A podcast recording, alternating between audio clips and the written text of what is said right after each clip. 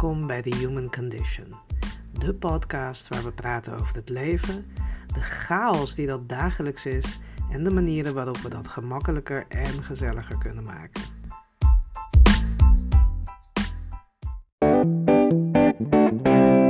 Laten we het hebben over de aard van de realiteit en hoe jij meester bent over jouw ervaring. Oké, dat klinkt misschien lichtelijk hoogdravend, maar wat ik eigenlijk wil bespreken is hoe jouw gedachten jouw ervaring bepalen. Ons brein is een krachtige creator en dat klinkt zweveriger dan dat het feitelijk is. We kennen allemaal wel het fenomeen dat als je ehm, op zoek bent naar een groene auto, dat je dan ineens, als je dat hebt besloten, overal groene auto's ziet. Onze hersenen nemen de hele dag van alles waar. En niet al die informatie is relevant voor ons. Ehm, als ik om me heen kijk, dan zien mijn ogen van alles, mijn oren horen van alles, mijn handen uh, en voeten voelen van alles. Nou, noem het allemaal maar op. Uh, maar ja, ik heb niet aan al die informatie iets. En niet, het is niet nodig voor mij om al die informatie elke keer uh, expliciet op te slaan en expliciet op te hoeven roepen om te gebruiken. Dat betekent dat er een schifting wordt gemaakt. Er gaat een filter over alles wat je waarneemt heen. En dat filter bepaalt, nou ja, als we het helemaal plat slaan, bepaalt dat filter eigenlijk je wereldbeeld. Het filter bepaalt of je groene auto's ziet. Je hebt dan een filter aangezet. Je kent dat wel bij bol.com. Als je daar iets zoekt, dan kun je, je je zoekresultaten filteren, bijvoorbeeld op kleur, als we het daar dan toch over hebben.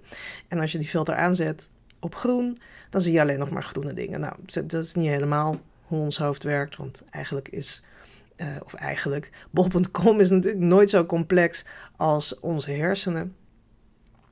Maar in heel plat eh, geslagen versie is dat wel hoe onze hersenen werken. Onze gedachten bepalen uiteindelijk hoe wij de wereld um, zien, hoe we de wereld ervaren, wat we allemaal opslaan, wat we allemaal onthouden en nogmaals, letterlijk wat we zien.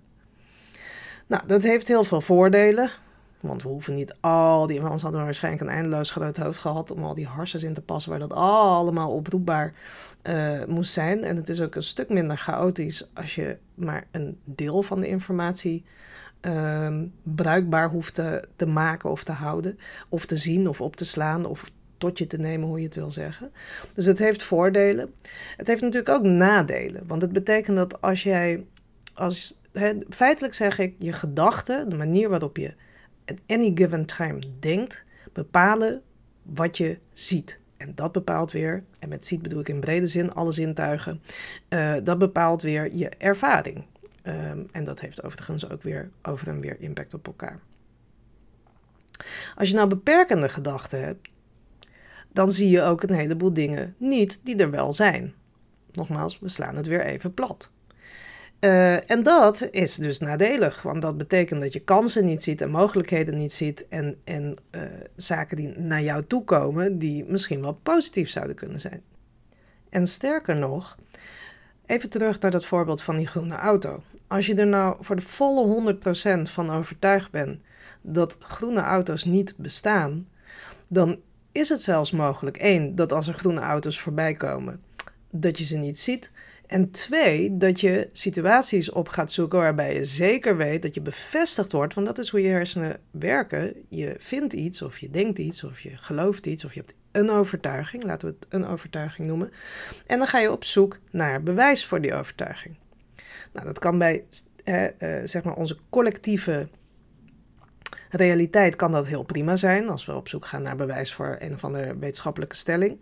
Maar als je het hebt over subjectieve realiteit, dan kan dat dus ook in je tegendeel werken. Nou, een heel interessant voorbeeld daarvan uh, heb ik over geleerd tijdens mijn studie psychologie. Dat ging over een stam en die leefde, ik weet echt de details niet meer, want mijn studie psychologie is echt heel lang geleden. Maar ging over een stam en die leefde ergens in het bos, waar de bomen heel, in een bos, een woud, waar de bomen heel dicht op elkaar stonden. Dus zij hadden nooit over de vlakte gekeken. Uh, ze hebben nooit in de verte echt hoeven kijken. Nou, op een goede dag of een slechte dag, het is maar hoe je het bekijkt, uh, vond een aantal wetenschappers vond deze stam. En ik weet niet precies hoe het is gegaan, want nogmaals, het is echt lang geleden dat ik psychologie studeerde. Maar uh, het kwam erop neer dat ze die mensen mee hebben genomen in de auto. Nou, dat was al verschrikkelijk wonderlijk voor hen. En het bos uit, uiteindelijk, en de vlakte op. En in de verte, dat vertelden die wetenschappers dan naar ik aanneem later, en, en uh, zo kwam dat in mijn psychologieboek terecht, mijn psychologieleerboek. Maar um, in de verte zagen ze koeien. En ze hadden wel dieren vaak gezien, misschien niet specifiek koeien, ook dat weet ik niet meer. Maar ze zagen in de verte in ieder geval koeien. En uh, toen ze steeds dichterbij kwamen, werden die koeien voor hun steeds groter. Want dat gebeurt. Wij snappen dat het hele principe van perspectief begrijpen we. Maar voor een deel, als je opstijgt in het vliegtuig vanaf Schiphol je kijkt naar beneden, dan zijn je hersens ook wel een beetje bezig van oké, dit is een beetje raar. Waarom zijn die bomen ineens net zo groot als broccoli? Nou, datzelfde had deze stam, die begrepen niet wat, die, die dachten dit is magie. en dat snap ik trouwens. Ik lach ze niet uit. Ik begrijp het. Ik vind het gewoon leuk. Een leuk verhaal. Um, kortom, uh, omdat zij niet wisten ze hadden de afspraak niet in zichzelf en met anderen dat zoiets als perspectief bestaat. Dat ze dus wisten dat toen ze in de verte waren, toen ze nog ver van de koeien vandaan waren, dat eigenlijk dat hele grote koeien waren. En dat die afstand ervoor zorgde dat ze zo klein leken. Nou, ik vraag me altijd af bij sommige verhalen die ik bij psychologie heb geleerd, wat precies het waarheidsgehalte is van de anekdote in kwestie. Maar dat is niet erg. Volgens mij heb ik mijn punt gemaakt. Zij zagen gewoon niet. Wij kijken naar die koe in de verte en we weten, we hebben een, een soort mentaal schema in ons hoofd inmiddels. Daar zijn we niet per se mee geboren, maar een mentaal schema in ons hoofd dat dat eigenlijk gewoon een levensgrote koe is. En dat hadden zij niet, want dat hebben ze, die overtuiging hebben ze nooit meegekregen. Die kennis hebben ze nooit meegekregen. We noemen het nu even een overtuiging. Nou goed, dus het kan ook zijn dat je dingen niet ziet om het maar even zo te noemen, die er wel zijn. Nou, er is ook nog het wereldberoemde voorbeeld van de Eskimo's. Dat schijnt trouwens een broodje aap verhaal te zijn, die ik weet niet hoeveel termen hebben voor het woord wit, omdat hun wereld bestaat uit um, uh, een heleboel gradaties van wit, leven in de sneeuw. Um, en zij zien dus ook feitelijk meer soorten wit. Wij denken gewoon, nou, het is gewoon wit. Punt, wit. Nou, nogmaals, dat, dat, dat schijnt dat dat niet waar is, dat verhaal. Maar het is verder niet erg. Het gaat nogmaals om het principe dat je dingen, uh, dat je overtuigingen er ook voor zorgen. Je, de, dat wat je aanneemt voor waar, dat wat je denkt te weten over de aard van de realiteit, daar zijn we weer, de aard van de realiteit, dat dat ook bepaalt, in ieder geval deels, hoe je die realiteit ervaart. Oké, dus dat weten we. Nou, dat nogmaals, bij positieve zaken, ik, ik heb altijd succes, dat soort overtuigingen. Ik heb altijd geluk. Uh, ik ben altijd net op tijd. Ik, nou, noem het maar op. Ik ben mooi, ik ben prachtig, ik ben slim, etc. Is dat eigenlijk goed nieuws? Want dat betekent dat onze ervaring gekleurd wordt door positieve overtuigingen. En ons brein gaat op zoek naar bewijs en bevestiging daarvan. Dus als iemand tegen ons zegt: uh, wat ben jij mooi. Terwijl wij dachten bij onszelf, oh, wat ben ik toch mooi. Dan, heeft dat een, dan gaat dat in het bakje dat de overtuiging bevestigt en dat weegt lekker zwaar. En die ervaring um, ga je ook meer opzoeken. Dus je gaat ook meer om met mensen die zeer waarschijnlijk ook gaan vinden dat je mooi bent. Elk potje past een deksel, zoals we weten. Um, ik sla het allemaal een klein beetje plat, maar ik denk dat je me wel kan volgen. En ik wil de eigenlijk inleiding ook niet super lang maken. Ehm, maar dat is wat je dan doet. Dus je gaat dan op zoek naar bevestiging daarvan en die, sla je al zwaar op. En als iemand dan een keertje tegen je zegt, nou je bent, ik vind je niet mooi, dan denk je, nou die is gek. ik weet niet wat er met eh, hem of haar aan de hand is, maar ik weet toch redelijk zeker dat ik wel mooi ben. Dus die gaat, dat zal je dan ook minder vaak tegenkomen, maar het zal ook minder binnenkomen als je het überhaupt al binnen laat komen. Dus um, je overtuigingen bepalen in dat opzicht je ervaring. Dus positieve zin, fijn, maar dan hebben we natuurlijk ook negatieve zin. Als je denkt, ik kan niks, ik verdien geen liefde, ik ben altijd dramatisch, ik heb nooit, ben ik op tijd, nou noem het allemaal maar op. Um, dan heeft dat ook impact. Op dezelfde manier waarop positieve overtuigingen impact hebben. En hier komt het deel Ehm, wat een beetje vervelend is. Ik wil zeggen verneukeratief en bij deze heb ik het gedaan. Hier komt het verneukeratieve deel. Een deel van je overtuigingen ben je helemaal niet van bewust. En dat geldt voor zowel de positieve als de negatieve, laat ik dat vooropstellen. Maar we hebben al geconcludeerd dat de positieve eigenlijk wel heel prima zijn in algemene termen. Moet niet te ver gaan, hè, want dan word je een narcist. Maar in algemene termen. Um, maar zeker de negatieve kunnen dus nogal wat impact hebben. Als jij de stiekeme overtuiging, de voor jezelf verborgen overtuiging hebt, ik kan helemaal niks, um, dan ga je vanuit die overtuiging handelen. En de kans is groot dat je dan ook vaak die ervaring gaat hebben. Dus de ervaring die hoort bij die overtuiging. Dat dingen dus ook feitelijk niet lukken. Um, dus dat is vervelend als je niet weet wat die overtuigingen zijn. Nou, wat ik vandaag met je wil delen is een oefening die je kan doen. Waardoor je kunt ontdekken, in ieder geval start kunt maken, want dat is natuurlijk een proces en, en dat is voor iedereen anders, maar waarmee je een start kan maken om een deel van je uh, beperkende overtuigingen te ontdekken. Het is eigenlijk een hele simpele ja, oefening. Je pakt pen en papier en je gaat opschrijven wat je zou willen zijn. Dus je wil bijvoorbeeld moedig zijn. Je wil bijvoorbeeld, ehm, eh, weet ik veel, altijd op tijd zijn. Je wil altijd eerlijk zijn. Je wil uh, mooi zijn. Je wil geliefd zijn. Je wil stabiel zijn. Je wil rijk zijn. Het maakt mij niet uit. Schrijf gewoon en weet je, pak een A4'tje, pak twee A4'tjes. Schrijf het helemaal vol. Met alles wat je denkt van jezelf dat je zou willen zijn. Sommige dingen ben je misschien al van bewust dat je dat nog niet bent. En sommige dingen denk je bij jezelf, nou dat ben ik ook. Schrijf die ook op. Dus dat beeld eigenlijk, pluis het beeld van jezelf uit in statements over jezelf.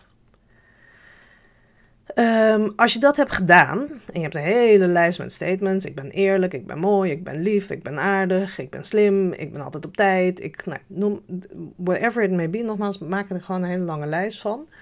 Uh, schrijf het ook in die, op die manier op, dus ik ben uh, en dan wat je dan bent erachter. En ga gewoon lekker zitten, pak een bakje koffie of thee en ga eens hardop die statements voorlezen. Wat je zal merken, en daarom is het handig om dit in enige stilte, rust en privacy te doen. Wat je zal merken is dat je lichamelijk gaat reageren. Hoeft niet heel heftig te zijn. Ik zeg niet dat je een aanval krijgt. Uh, maar dat je een lichamelijke reactie gaat voelen op de statements waar je zelf niet in gelooft. Dus we hebben dan beschreven wat je graag zou willen zijn. Je gaat voorlezen wat die dingen zijn. En bij een aantal daarvan ga je een lichamelijke reactie hebben. Je gaat voelen in je buik van, nou, volgens mij ben ik dat helemaal niet. Of je gaat het, nou ja, je gaat in ieder geval gaat er iets van stress ontstaan. Als je het hardop zegt. Of misschien moet je zelfs wel lachen. denk je, nou, ik ben helemaal nooit op tijd. Ehm, dat is een hint. Dat is een hint dat je uh, daar een overtuiging achter hebt zitten die anders is dan wat je hebt opgeschreven. Je kan dit trouwens ook anders doen. Je kan ook starten bij je, de beperkende overtuigingen die je van jezelf al kent. Um, bijvoorbeeld, hè, ik ben nooit goed genoeg of alles moet perfect zijn voordat ik iets kan doen. Voorbeelden van beperkende overtuigingen. Um, en dan kun je die om gaan keren. Dus ik ben nooit goed genoeg, kan je omkeren naar iedereen accepteert me altijd volledig zoals ik ben, bijvoorbeeld. En ook die kun je weer voorlezen en dan zal je merken dat je een lichamelijke slash um, um, emotionele reactie daarop hebt. Nou, wat heb je daar nou aan? Ik begin het liefste vanuit wat ik zou willen zijn, wat ik denk dat ik ben en zou willen zijn, die twee bij elkaar opgeteld, omdat ik er dan geen één over het hoofd zie. Omdat ik dan de verborgen uh, beperkende gedachten ook boven tafel krijg. Want soms schrijf je iets op, spreek je het uit. Dacht je echt dat je zo was en ook geloofde dat je zo was, of hè, uh, uh, zo door het leven ging, of die overtuiging had. En dan blijkt bij het uitspreken blijkt dat je echt voelt van, nou, dit klopt helemaal niet, zo voel ik me helemaal niet. Dus dat doe ik liever. Maar wat je daarmee creëert, is dus een lijst met soms verborgen, soms minder verborgen overtuigingen. En ook wel een prioritering in die lijst. Want het werken aan eh, het veranderen van die beperkende overtuigingen, dat is een proces. Het is niet dat je het ontdekt op je lijstje ehm, en dan kan gaan slapen en zeggen, nou dat was een stomme overtuiging, morgen doen we het anders. Dat gaat jammer genoeg niet. Hoe je dat wel aan kunt pakken, daar kunnen we in een volgende aflevering over hebben. Maar wat je dan hebt is een lijst met beperkende overtuigingen en de reactie in je lijf vertelt je wat de grootste zijn en die dus ook het meeste impact hebben. Nou, misschien klinkt het, ik begon hoogdravend, misschien klinkt dit zweverig, dat is het niet. Je uh, emoties, daar is niks zweverigs aan. Die, je reageert op, uh, hè, dat, is deel, dat is voor een groot deel ook gewoon je brein. Dus je reageert gewoon op dingen die je uh, verdenkt ervan dat ze heel erg waar zijn, of dingen die je verdenkt van dat ze helemaal niet waar zijn. En het helpt je dus om te ontdekken wat jouw beperkende overtuigingen zijn, zodat je die op termijn mee aan de slag kan en ervoor kan zorgen dat je um, niet geleefd wordt door je beperkende overtuigingen. Want zoals we al eerder in deze uitzending ook hebben gezegd, tenminste ik zeg we, maar dat was ik natuurlijk. Um, zowel je beperkende als je uh, positieve overtuigingen hebben impact op hoe jij in de wereld staat en hoe jij de realiteit ervaart. Dus oefening, ga opschrijven wie je denkt te zijn en wie je wil zijn. Spreek dat hardop uit, gewoon tegen jezelf. En voel eens wat daarvan niet helemaal vibet met jezelf. En maak daar een lijst van in volgorde van hoe erg het niet vibet tot aan dat je denkt, nou dit is precies wie ik ben. Dit klopt, ik voel het gewoon, dit is hem. Want je overtuigingen zijn niet per se de realiteit. Die zijn uit allerlei andere dingen ontstaan en niet per se uh, gestoeld in enige feitelijke realiteit. Dus het is zinvol om daar op zijn minstens naar te kijken. Nou, in de volgende aflevering, in een volgende aflevering, kan nog niet beloven, de volgende, gaan we kijken wat we met die lijst verder kunnen doen. Um, ik ben heel benieuwd naar jullie ervaringen met die oefening. Of je precies bent zoals je dacht. Of je geen enkele overtuiging kan vinden die uh, ook maar enige reactie bij je oproept. Of je erachter komt dat je geen beperkende overtuiging hebt. Dat kan natuurlijk ook. Um, ja, daar ben ik benieuwd naar. Dus laat me dat weten.